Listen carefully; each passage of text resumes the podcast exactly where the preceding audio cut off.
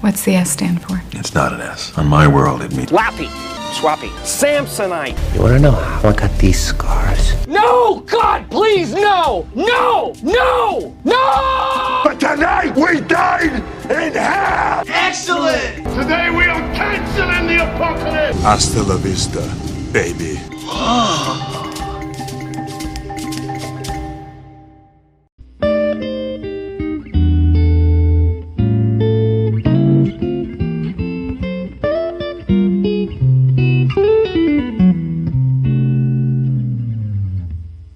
Kalau lagi susah baru doa, baru Iya, ingat. baru doa. Hmm, iya iya iya iya. Janji aja mulu kayak politikus, anjay. Widih, kira-kira apa yang terjadi ya? Bila ternyata Tuhan mempunyai vlognya sendiri.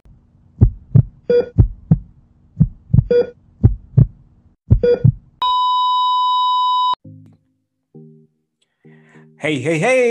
Selamat bergabung kembali di channel BB69. Sobat BB69, pada episode kali ini saya akan membahas sebuah film pendek yang sangat keren menurut saya yang berjudul Hai guys, balik lagi sama gue Tuhan. Nah, di dalam film pendek ini bercerita mengenai Tuhan ternyata itu mempunyai seperti vlog dan di sini dapat diperlihatkan dari sudut pandang sang Tuhan melihat orang-orang di dalam suatu komplek nih di mana banyak sekali atau beragam permasalahan-permasalahan ataupun kelakuan-kelakuan dari sang penghuni komplek tersebut. Kira-kira seperti apa aja ya? Atau sudut pandang dari Tuhan itu seperti apa? Film yang disutradarai oleh Winner Wijaya ini sebenarnya mempunyai premis yang sangat sederhana, yakni di mana Tuhan menjadi uh, vlogger yang akan membawakan atau Israel yang menerangkan kesehariannya dia di satu hari itu untuk memperlihatkan manusia-manusia ciptaannya di satu komplek itu di mana para manusia itu mempunyai ciri-ciri atau istilahnya sifat-sifat masing-masing baik itu buruk maupun yang baik. Nah, yang menariknya nih, sang penulis yakni Antonius Wilson ini bisa menulis dengan benar-benar apik. Dengan kesederhanaannya, justru itulah yang menimbulkan dalam arti hal yang menarik. Sebut aja di sini dari karakter-karakter yang muncul dengan sekilas itu benar-benar menyentil kita nih. Di sini ada ada satu karakter yang hanya ingat kepada Tuhan, hanya ingat berdoa bila dia itu uh, sedang dalam kesulitan. Terus ada juga karakter yang suka nyeleweng, ada juga karakter yang lupa berdoa. Yang lucunya juga di sini juga menyentil mengenai ateis dan orang yang beragama lucunya nih menurut saya ya lucunya karakter yang ateis itu adalah orang yang baik-baik nih.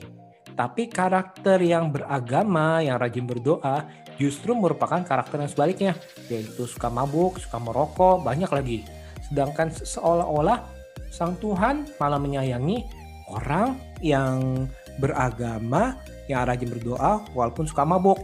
Ini kan menurut saya sih cukup lucu ya cukup unik dan menimbulkan pertanyaan maksudnya apa nih? Hal yang menarik lainnya adalah mengenai pengambilan gambarnya yang melalui drone.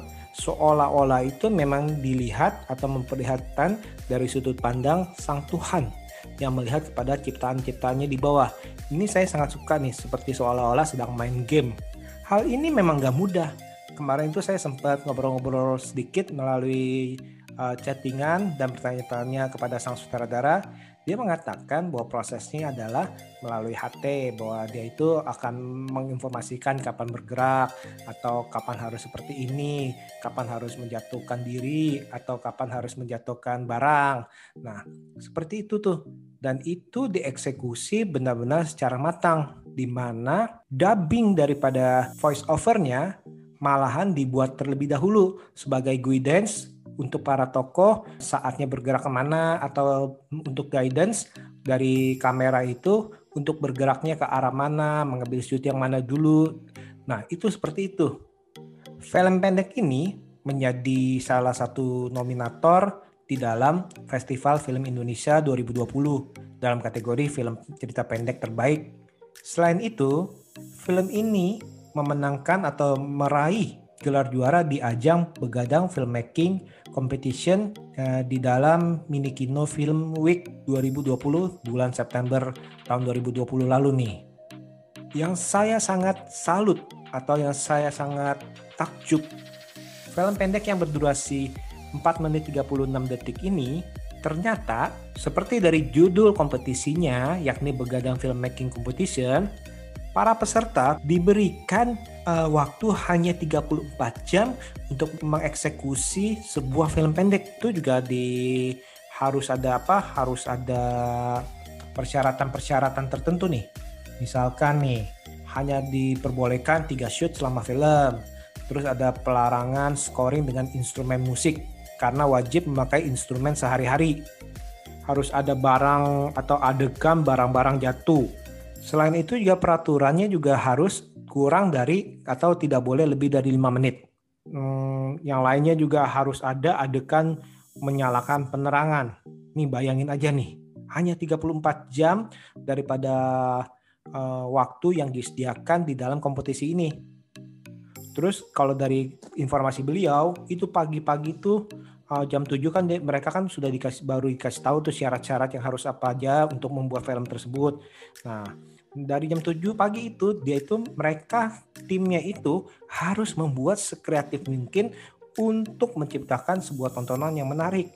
Bayangin tuh, harus memutar otak, harus uh, mengumpulkan orang-orang, harus menulis naskah, terus habis itu harus menetapkan segala uh, propertinya dan lain-lain. Nah, ini ternyata ini benar-benar bisa menghasilkan sebuah tontonan yang bukan hanya menghibur aja, tapi bisa membuat kita takjub.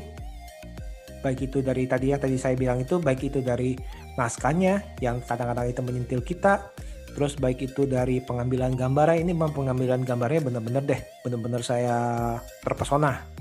Selain itu juga dari para karakter-karakter yang memainkannya itu juga walaupun kita hanya lihat dari atas itu seolah-olah itu kita ini benar-benar apa benar-benar terasa melihatnya dengan baik. Terus belum lagi juga untuk voice overnya yang untuk dialognya itu sentilan-sentilannya itu benar-benar keren.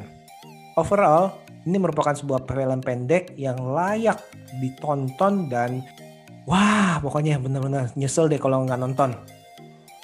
Oke deh, saya rasa sekian dulu untuk episode kali ini.